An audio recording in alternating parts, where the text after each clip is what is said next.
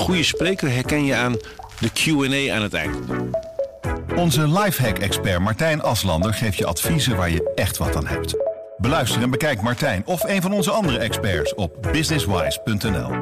Businesswise, het nieuwe platform voor iedereen met ambitie.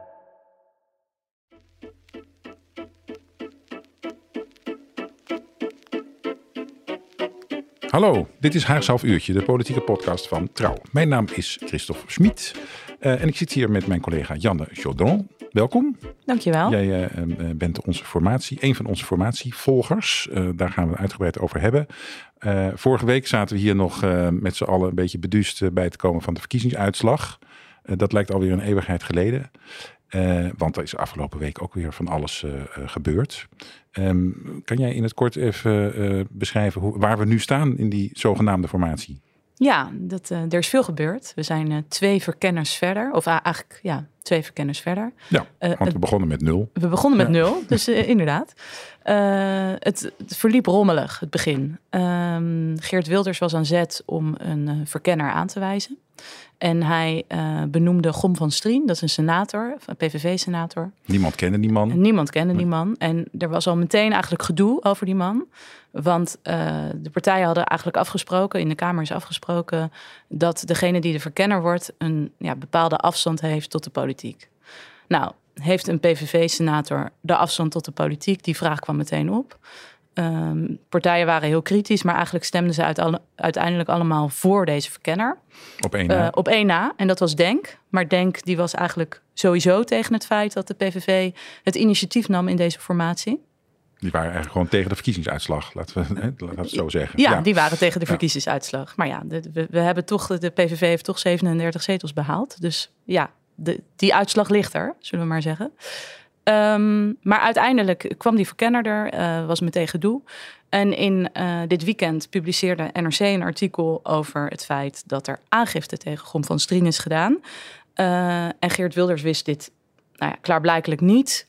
Uh, zelf zegt hij dat hij dat ook niet wist. Het is even de vraag of dat klopt. Niemand weet het. Um, maar uiteindelijk werd zijn positie onhoudbaar en is hij afgetreden. Uh, en hebben we te maken met een nieuwe verkenner. En dat is uh, Ronald Plasterk. Een oude bekende. Een oude ja. bekende. Een uh, P van de A, die nog steeds lid is van de P van de A, begrijp ik. Uh, ondanks zijn uh, columns in de, de, Telegraaf, waarin hij best wel fel is over het klimaatbeleid. Um, maar ja. hij gaat nu, de, hij is nu de verkenner, dus hij, hij voert de gesprekken. Ja, uh, en dat is allemaal in een hele korte tijd gebeurd. Hè? Um, en als we even terugdenken aan die formatie, die befaamde formatie van 2021, die zo lang duurde. Uh, en waarvan iedereen zei, dit doen we zo nooit meer. Dat moet beter de volgende keer. Uh, wat, wat, kunnen we nu concluderen? Uh, ja, we zijn nog vroeg natuurlijk, maar hoe gaat het tot nu toe? Nou ja, het, het, het, verloopt ontzettend rommelig en chaotisch. Dat kunnen we denk ik toch wel concluderen.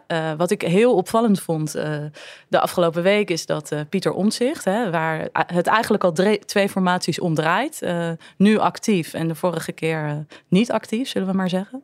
Het functie elders gedoe. Hè, dat de veel, functie elders, ja. ja Um, dat hij eigenlijk uh, zei van ja, uh, we kunnen allemaal fouten maken. Dit is eigenlijk een. Uh, een ja, er gaat overal wel eens iets fout. De vorige formatie duurde negen maanden. We hebben nu drie dagen vertraging. Dus laten we het niet groter maken dan het is. Met andere woorden, hij ja, voelt zich al helemaal onderdeel van, van de nieuwe politiek eigenlijk. Dat, ja. dat viel me heel erg op. Aan de andere kant, uh, je kunt dat wel bagatelliseren. Hè? Slechts drie dagen vertraging. Maar het ziet er nou ook weer niet naar uit dat we voor kerstmis een uh, regering hebben. Nee, dat denk ik ook niet. Uh, er is de, de, dus we hebben, we hebben één te maken met, een, met een, de rommelige start van de formatie. Maar we hebben anderzijds ook te maken met partijen die zich nu alvast aan het ingaven zijn. Um, en met als ja, meest actuele uh, natuurlijk de positie van NSC. Eigenlijk ging het een week lang over uh, wat gaat Omtzigt doen? Gaat Omtzigt met Wilders praten of gaat hij niet met Wilders praten? Uh, nou, ik heb alleen maar mensen gezien die achter Omtzigt aanliepen en die in wel tien verschillende vormen deze vraag stelde. En hij gaf er nou ja, constant geen duidelijk antwoord op. Ja, dat uh, is een bekende uh, eigenschap inmiddels toch van omzicht. Dat je soms niet helemaal weet wat hij nou uh, wil en bedoelt. Ja, ik noem het eigenlijk bijna een soort omzichtiaanse eigenschap. Zo kan je het wel noemen.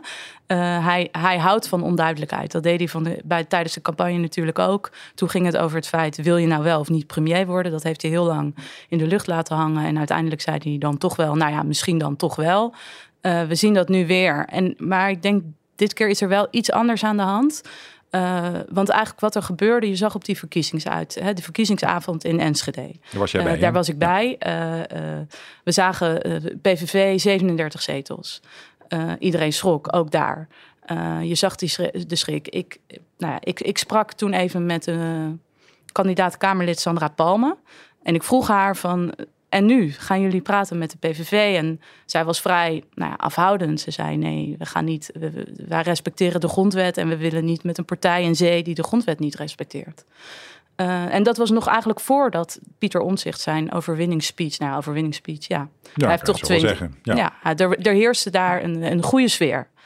Um, nog voordat hij zijn speech hield. En daarin gaf hij eigenlijk aan, en dat had niemand echt verwacht, dat, dat eigenlijk iedereen over zijn schaduw moest heen springen.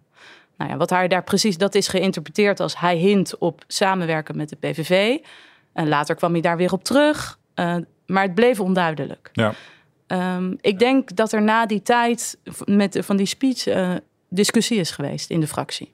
Dat mensen hem hebben uh, proberen af te remmen. Van ga vooral niet met Wilders ja, nou ja, of mensen proberen af te remmen. Mensen, vooral er, er zitten daar in ieder geval juristen in die partij. En uh, de PVV wordt toch gezien als een partij die, die de grondwet niet serieus neemt. Die een groep, ja, die een groep gewoon uitsluit. Uh, die ook minder op heeft met de rechtsstaat. Uh, dus er zullen daar ongetwijfeld mensen hele grote twijfels hebben geuit. Als je dat vraagt in de fractie, want ik ben daar ook regelmatig deze week geweest. Uh, dan zeggen ze: we hebben goede discussies, er is geen oneenigheid. Uh, we praten eigenlijk gewoon over hoe het verder moet na die verkiezingsuitslag. Hey, um, Janne, jij volgt de formatie in het algemeen, maar jij bent ook zeer aan het inzoomen op die NSC van Pieter Omtzigt. Die partij volg je al een paar weken op de voet. Uh, grote veranderingen, uh, want die hebben nu opeens een, een, een uh, vleugel in de Tweede Kamer van 20 Kamerleden. Jij bent daar een beetje gaan rondneuzen. Wat was de sfeer daar? Ja, um, ik ben daar geweest. En wat, ja, wat ik vooral opvallend vond, Pieter Omtzigt zat altijd op de zesde verdieping. Had één kamer tot zijn beschikking. was het, het Kamerlid Omzicht. stonden een paar bureaus en een bank.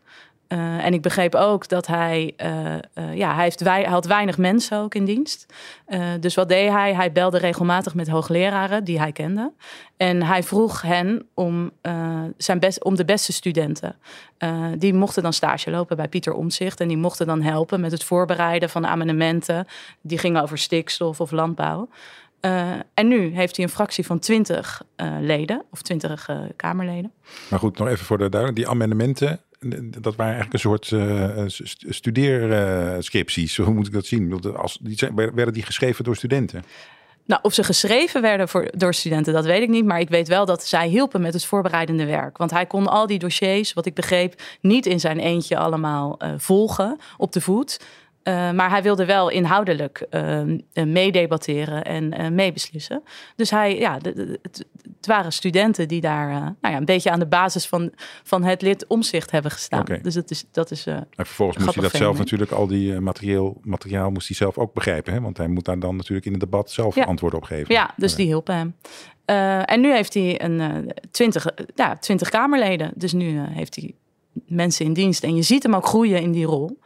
Uh, en ze zitten nu op de achtste verdieping in het Kamergebouw. En ze hebben daar een hele nieuwe vleugel tot hun beschikking. Er staan een paar NSC-posters, maar verder zijn daar mensen alleen nog maar ja, computers aan het neerzetten. Er zijn ook nog niet veel Kamerleden, want heel veel kandidaat-Kamerleden of kam Kamerleden, de gekozen Kamerleden, uh, die ronden hun werkzaamheden af. Ik weet bijvoorbeeld Caspar uh, Veldkamp, dat is een oud-ambassadeur in Griekenland, zit nu in, werkt nu voor een bank in Londen. Uh, en die had vorige week dus de laatste dag. Dus die komt nu naar Den Haag vers ingevlogen vanuit Londen. Ja, nou die, die nieuwe Kamerleden worden natuurlijk ook pas volgende week echt beëdigd. Hè? Uh, wanneer was het? Uh, 6 december. 6 december. Ja. hey, en in die nieuwe grote partij van Pieter Omtzigt, als ik het goed heb, dan zitten daar verschillende meningen over samenwerking met de PVV. Waar iedereen natuurlijk zo nieuwsgierig naar is. Hoe, hoe zit dat precies, die richtingenstrijd? Ja, nou, dat, ze, ze zeggen zelf uh, dat ze goede discussies hebben, maar het is lastig om, om nou uit te vinden in hoe die discussies lopen. Uh, maar die richtingenstrijd, uh, die zal er ongetwijfeld zijn. Wat mij vooral opviel is dat Pieter Omzicht gaf net na de verkiezingen een interview in de Volkskrant. Waarin hij, nou ja, voor mijn gevoel heel erg voorsorteerde op regeren ook met Geert Wilders. Of in ieder geval op praten met Geert Wilders. Uh, hij zei van we moeten rekening houden met deze verkiezingsuitslag. Er is een hele groep kiezers gewoon ontevreden over het land. Uh, we moeten oppassen dat we niet polariseren. Dus we moeten uh, een brug slaan met de ontevreden kiezers. We moeten die verbinding blijven zoeken. Um, nou, vervolgens dacht iedereen van oké, hij gaat dus in gesprek met Geert Wilders. En presenteerde hij woensdagavond eigenlijk een brief vanuit zijn fractie typisch omzicht van drie kantjes, waarin hij nog eens een keer zijn verkiezingsprogramma helder maakte, maar waarin hij ook eigenlijk wel min of meer zei: we gaan nu niet uh, praten met Geert Wilders, want hij moet eigenlijk eerst duidelijk op tafel leggen in hoeverre hij hè, zich uh, committeert aan die rechtsstaat. Um, nou ja, hoe zijn verkiezingsprogramma zich verhoudt tot de Wilders die we eigenlijk nu zien. Um, en volgens Wilder, of volgens Omzicht was dit ook het product uh, van, van een gesprek in zijn fractie. Uh, dus die, die, discussie is er wel degelijk geweest. Dat zie je ook aan die brief die er nu ligt. Ja, het is ook voor het eerst eigenlijk dat uh, hij, hij, is, hij kon natuurlijk tot nu toe alles alleen doen en zeggen. En op, op, op persoonlijke titel. Maar nu heeft hij een grote fractie achter zich die hem misschien een beetje bijstuurt af en toe. Ja, voor het en, eerst. En ik denk ja. ook dat dat voor hem wel wennen is. Want hij is gewend om, om dingen alleen te doen, om dingen alleen aan te pakken. We hebben dat gezien met het toeslagenschandaal, waarin hij toch als enige hè, binnen dat CDA heel erg in zijn eentje opereerde. We hebben het ook gezien in de Raad van Europa, waarin hij natuurlijk ook alleen uh, allerlei uh, vormen van corruptie in Europa uh, aanpakte en uh, zich mee bezig hield. En nu zal hij rekening moeten houden met een achterban. Nu zal hij rekening moeten houden met zijn leden. Nu zal hij rekening moeten houden met, de, met een fractie. En uh, ik denk dat dat voor hem wennen is. Ja, en wat mij ook lastig lijkt uh, voor hem is, uh, iedereen zegt dat die partij van hem een sleutelrol speelt in die formatie. Er, wordt bijna geen coalitie genoemd of de NSC moet daarin zitten. Is dat ook een moeilijke positie voor hem? Ja, dat denk ik wel. Die druk is, die druk is vrij groot. Um, uh, ik denk dat, dat wat hij het allerliefst nog wil, en dat bleek ook wel uit die brief, is een soort minderheidskabinet. Of een kabinet waarin er verschillende vormen van samenwerking zijn. Uh, en, wat hij, en, dan, en dan kijkt hij gewoon naar verschillende partijen. En wat mij opvalt, is dat hij ook op, ja, met de, uh, de PVV, er zijn best wel wat overeenkomsten. Ik heb uh, uitgezocht hoe uh, Omtzigt en Wilders de afgelopen jaren hebben gestemd als het aankwam op wetsvoorstellen. Um, en daarin zie je dat ze eigenlijk 118 keer hetzelfde hebben gestemd. Dus ofwel voor ofwel tegen een wetsvoorstel. En 33 keer hebben ze anders gestemd. Uh, dus je ziet dat er echt wel overeenkomsten zijn tussen die twee partijen. En dan met name op het gebied van uh, klimaat. En met name als het, als het geld kost. Hè? Het, het klimaatfonds van 35 miljard. Uh, daar zijn ze allebei tegen. En zo zijn er nog meer van dat soort aspecten. waarin ze echt wel overeenstemming hebben. Bestaanszekerheid hè, is ook een puntje van overeenstemming. Denk ja, ik. bestaanszekerheid is zeker een belangrijk punt. Uh, uh, klimaat, uh, ook migratie natuurlijk. hoewel het mij wel opviel dat, dat als het gaat over, hè, over beleid rondom Oekraïners, dat omzicht vaker voor dat beleid is dan Wilders. Ja, je noemde al klimaat, dat, dat daar veel overeenstemming is met stemgedrag. Maar in zijn brief van woensdagavond zegt, hij, zegt Omtzigt juist van ja, op, het gebied van klimaat heb ik meer overeenstemming met andere partijen. Ja. Ook weer verwarrend. Ja, dat is verwarrend. Ja. Uh, ik denk dat he, de, hij benoemde heel duidelijk in die brief dat hij vindt dat de PVV zich moet houden aan internationale afspraken. Dus ook aan het klimaatakkoord van Parijs. Uh, nou ja, dat, daar is Wilders inderdaad uh, niet voor. Uh, maar ik denk alles wat geld kost als het om klimaat gaat. Dus daar, daar kunnen ze elkaar wel vinden. Want ze vinden niet dat er ja, met geld moet worden gesmeten. Oké, maar hoe, hoe ziet dat eruit, gratis klimaatbeleid? De, ja, dat, dat weet ik dat niet. We, dat gaan we zien. Ja.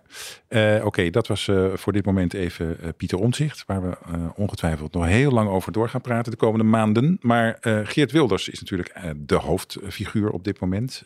hoe heeft hij zich opgesteld de afgelopen week? Ja, we zagen eigenlijk een soort gedaanteverwisseling van Geert Wilders de afgelopen week. Zeker richting journalisten. Als je hem sprak na de gesprekken met de verkenner, nam hij opvallend lang de tijd voor journalisten. Echt geen enkele fractieleider of fractievoorzitter beantwoordde zoveel vragen als Geert Wilders. En dat is nieuw voor hem, want hij noemde journalisten altijd tuig van de richel. Hij... Enkele uitzonderingen daar gelaten, zei hij dan altijd. Hè? Dat zei hij ja. inderdaad wel. Um, uh, hij, heeft ook, hij heeft ook lange tijd, en ik denk nog wel nog steeds, moeite gehad om met trouw te praten. Um, hij heeft heel veel interviewverzoeken afgewezen hè, de, door de jaren heen. Ja, dat klopt. Dat klopt. En nu zag je hem grapjes maken uh, met uh, Rutger Kastrikum van de Hofkar. hij was vrolijk, hij stond journalisten te woord. dus het leek alsof we echt een andere Geert Wilders zagen. maar ik denk ook dat nou, schijn deels bedriegt. Want op hetzelfde moment dat hij deze gesprekken voerde met journalisten, uh, ging hij naar een inspraakavond in Kijkduin. Uh, asielzoekers zouden daar opgevangen worden in een hotel. Uh, er was geen inspraak geweest van de bewoners. En dat vond Geert Wilders, zoals we hem kennen, natuurlijk belachelijk. Um, maar daar, daarmee gaf hij natuurlijk een enorm signaal af. Want hij heeft inmiddels 37 zetels. Dus hij heeft ook een bepaalde verantwoordelijkheid. Uh, wij schreven dat ook in het commentaar van Trouw, dat dat eigenlijk dat we uh, niet moeten onderschatten wat voor verantwoordelijkheid hij heeft uh, door hier te gaan staan, door eigenlijk opnieuw te polariseren en door ook een groep uit te sluiten. Want hij zegt van ik ben er eigenlijk voor alle Nederlanders, maar als je het hebt over alle Nederlanders, zijn het ook de asielzoekers die onderdak zoeken in Nederland, die een slaapplek krijgen en die daar ook recht op hebben. Plus de, de, de, eh, de, erkende vluchtelingen die eh, recht hebben op een huis. Dat, uh, die hebben gewoon een verblijfsvergunning. Precies, de Daar moet hij dan ook premier voor zijn, zou je zeggen. Precies. Dus hij gaf wel degelijk weer een soort onduidelijk signaal af met deze, uh, om door bij deze avond te zijn, aanwezig te zijn, zijn gezicht te laten zien. En ik denk ook dat het voor heel veel gemeenten heel lastig wordt om nu nog uh, draagvlak te creëren voor die opvang van die vluchtelingen. Want veel bewoners zullen zich gesteund voelen door Geert Wilders. Uh, dus hij moet, hij moet niet vergeten dat hij een bepaalde verantwoordelijkheid heeft met die enorme verkiezingswinst van hem, denk ik. Ja. En ik denk ook dat andere partijen dat zien. Ik denk ook dat, dat, dat omzicht, hè, dat NSC dat ook beseft. Ja, want die dubbelrol, hè, want hij wil dus uh, enerzijds heel graag premier worden van alle Nederlanders. Uh, maar met zo'n inspraakavond aanwezigheid overrult hij eigenlijk gemeentelijk beleid. Ja, precies. En uh, dan zien we opnieuw dat hij het dan niet zo heel, dat hij die rechtsstaat niet zo heel erg serieus neemt. Los van het feit dat we afspraken hebben gemaakt dat we hè, asielzoekers een slaapplek bieden in internationale verdragen. Ja, hey, en is die, uh, ja, die wisselende boodschappen die je Wilders daarmee afgeeft, is dat misschien ook de reden dat omzicht nu opeens uh, zegt van ho ho, Wilders moet eerst even duidelijk op papier afstand nemen van bepaalde standpunten voordat ik met hem ga praten? Dat zal ongetwijfeld ook een van de argumenten zijn. Hij, wil, hij, heeft echt expliciet aangegeven om zich dat hij uh, wil weten wat het waard is dat hij, wat hij zegt van ik wil compromissen sluiten. In hoeverre neemt hij afstand van zijn verkiezingsprogramma, waarin staat dat de Koran moet worden verboden, dat we geen islamitisch onderwijs meer mogen hebben. Dat wil Omtzigt weten. Um, maar het heeft ook te maken met waar we het eerder al over hadden, die discussie in de fractie. Ja. Maar Wilders heeft wel steeds gezegd, hè, uh, mondeling, van ik, uh, die, al die standpunten over de islam, die parkeer ik. Maar uh, Omtzigt zegt van dat wil ik zwart op wit hebben, toch? Of zoiets. Ja, hij wil, hij wil daar echt hele concrete afspraken over. en dan is er nog een andere partij die behoorlijk veel aandacht opeist de afgelopen dagen. En dat is de VVD. Daar was ook woensdagavond een, uh, een ingelaste ledenbijeenkomst. Wat is daar precies de richtingenstrijd? Ja, wat eigenlijk heel opvallend was bij de VVD en wat niemand had verwacht, is dat uh, hè, vorige week uh, was het, ja, het was vorige week vrijdag, net na uh, de, die verkiezingsuitslag, kwam fractievoorzitter Jezilgus de roltrap op in het Tweede Kamergebouw. Alle camera's meteen op haar af. Uh, en het eerste wat ze zei, uh, wij, uh, ons pas bescheidenheid. Wij gaan niet in een kabinet met Wilders en NSC. Wij, maar wij gedogen wel een kabinet van winnaars. Um, de verkenner was nog niet aan het woord geweest. ze had met niemand gesproken. Dit was het eerste wat ze zei. Dus dat was opnieuw duidelijk een strategie van de VVD. en die, die strategie is wel begrijpelijk, want zij, de VVD eh, heeft verloren, hè, is niet de grootste partij. Stel dat ze in een kabinet gaan zitten uh, met Geert Wilders en NSC, uh, dan vrezen ze natuurlijk een soort CDA-scenario. We hebben allemaal gezien wat dat betekent na dat toen het CDA een gedoogconstructie tot stand bracht met, de, met de Geert Wilders in 2010. toen na die tijd, nadat het kabinet viel, heeft het CDA heel veel zetels verloren. En daar vreest de VVD ook voor. Ze zijn niet de grootste. Ze zullen allerlei compromissen moeten sluiten. En wat ze nou ja, bewerkstelligen, dat zal niet zo gezien worden dat zij dat bewerkstelligd hebben. Dus, maar het was wel een verrassende move van uh, Jezilgus. Ja, ook voor de VVD-stemmers, hè? want die hebben natuurlijk de hele campagne gehoord van Jesse Hilgus. Uh, wij staan open voor samenwerking met de PVV, want we kunnen niet zoveel uh, kiezers uh, veronachtzamen. Nu zijn er 2,5 miljoen kiezers van de PVV en die tellen dan opeens niet meer? Nee, Hoe werkt dat, dat? dat is natuurlijk de. Uh, daar, daar was die leden, hè, die ingelaste ledenbijeenkomst ook voor bedoeld. Uh, er is veel onvrede over dit besluit omdat ook heel veel inderdaad VVD-kiezers zoiets hebben van... we hebben het kabinet laten vallen op migratie. We hebben een partij, die is de grootste en die wil migratie aanpakken. En wat doen wij? Wij gedogen alleen maar zo'n constructie en we willen niet met ze samenwerken. Dus onder VVD'ers is daar grote onvrede over. Ja, maar goed, er is ook een deel van die partij, eh, ik geloof dat het wel een minderheid is, uh, die vasthoudt aan het oude Rutte-standpunt van we moeten niet samenwerken met de PVV. Hoe, hoe, eh, hoe luid is die stem? Ja, maar die stem is veel minder luid dan, dan die, die, hè, die, die meer rechtse koers van binnen de VVD. Dat er wel moet worden samengewerkt met de PVV. En dat hebben we natuurlijk ook in de campagne gezien. Um, door de deur al zo vroeg open te zetten voor Geert Wilders. Um, hebben ook heel veel uh, VVD'ers natuurlijk gedacht: ik ga op de PVV stemmen. Maar ook met, met het idee van: het wordt, uh, ze gaan samenwerken straks. Ja, en is de positie van Jezielkus daardoor in het geding of zit ze wel vrij veilig? Ik denk dat zij voorlopig wel veilig zit. Maar wat Jezielkus natuurlijk hoopte, is dat de VVD alsnog de grootste partij zou worden. Dat zij premier zou worden van Nederland. En dat de PVV nou ja, wel mee zou kunnen regeren. Het omgekeerde is gebeurd. PVV is de grootste partij geworden, de VVD kleiner. Uh, waardoor Jezielkus onder uh, Wilders dan zou moeten gaan dienen. En dat wil ze niet. Nee. We hebben trouwens, uh, jij hebt een heel groot stuk geschreven over uh, eh, NSC. Dat staat zaterdag in de verdieping, als ik het goed heb. En is het al vrijdag dat het stuk van onze collega Niels Marcus over de VVD ja. in de verdieping staat? Nou, daar staan links naartoe in de show notes. Uh, ja, oké. Nou, we weten na, de vorige formatie, uh, die zo lang duurde en die zoveel ruzie opleverde, dat we dat niet meer willen. De, partijen zeggen allemaal dat ze dat ook niet willen. Uh, maar goed, het ziet er nog niet goed uit. Wat is nou een plan B als dat PVV, VVD, NSC-kabinet er niet komt? Nee, en daar heeft het nu wel alle schijn van, hè, dat het er in ieder geval voorlopig niet komt. En ik denk dat Wilders heel veel water bij de wijn moet gaan doen uh, wil dat er wel komen. Echt een aantal dingen zwart op wit moet gaan zetten. Um, ja, dan, dan, dan neigt het toch naar eh, wat omzicht zo graag wil: een minderheidskabinet. Uh, waarin er op bepaalde onderdelen afspraken worden gemaakt over bepaalde problemen. en dan, heeft, dan zien we toch dat omzicht ja, de afgelopen tijd als dat zo is, want we weten het niet. We, kunnen, we, hebben een verkiezingscampagne gehad waarin we ook de winnaar absoluut niet konden voorspellen.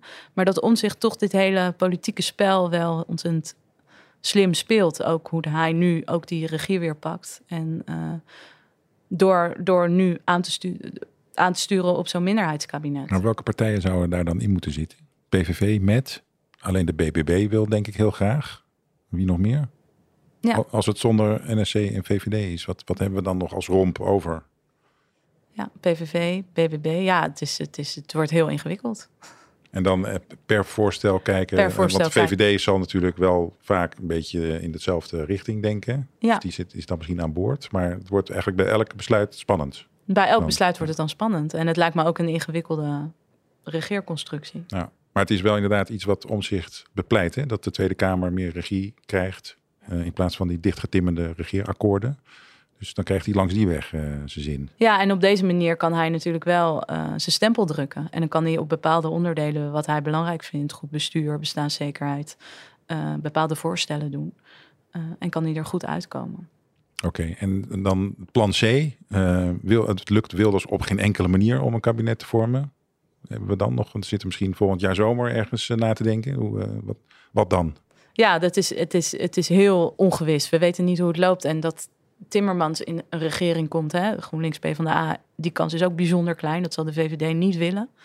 Ehm, dus ja, het wordt ontzettend spannend de komende tijd. Wat, wat nog wel belangrijk is om te benoemen, kijk, de, de verschillende partijen nemen nu bepaalde standpunten in. Dat betekent niet dat het over drie weken hetzelfde is. Dat, dan is alles weer anders. De VVD heeft in 2003 of twee? Twee. twee Ja, bij de 2002. LPF. eh, Bij de tijd. LPF, ja, heeft, hebben ze in, de, in beginsel ook gezegd dat ze alleen willen gedogen. En uiteindelijk zijn ze mee gaan regeren. Ja. Dus echt alles is nog mogelijk. Precies, want eh, in eh, twee jaar geleden nog maar eh, was het eerst eh, CDA die zei we gaan niet regeren, ons past bescheidenheid. Eh ChristenUnie, Segers die zei na die hele functie elders eh, affaire eh, wij gaan niet meer met Rutte regeren. Eh, dat is toch anders gelopen. Dat is heel anders gelopen, ja. Dus je ziet toch in het begin in zo'n formatie, denk ik ook, dat partijen hè, bepaalde punten en standpunten innemen. En dan vo- volgen er maandenlange gesprekken. En dan eh, in het landsbelang zal er anders worden besloten. Ja, maar goed, dat landsbelang komt dan misschien pas eh, ook weer na negen maanden bovendrijven. Nou, ik ben benieuwd, want uh, Omzicht heeft ons beloofd dat deze formatie niet zo lang zou duren. Oké, Janne, hartstikke bedankt voor jouw uitleg en eh, waarschijnlijk tot binnenkort weer. Zeker. Uh, dit was Haags half uurtje voor deze week de politieke podcast van Trouw. Mijn naam is Christel Smit en deze podcast wordt gemaakt door Hanna van der Wurf en George Paul Henneberken. In de show notes uh, staat nog van alles uh, gelinkt naar de formatie, want we hebben onze vingers blauw getikt de afgelopen week. Eh, en dat gaan we komende week waarschijnlijk weer doen. Eh, en dan zijn we ook weer met een nieuwe Haags half uurtje. Tot dan. Mensen luisteren niet naar wat je zegt, maar kopiëren wat je doet. Onze vitaliteitsexpert Martin Hersman helpt je te focussen op wat echt belangrijk is. Beluister en bekijk Martin of een van onze andere experts op businesswise.nl. Businesswise, het nieuwe platform voor iedereen met ambitie.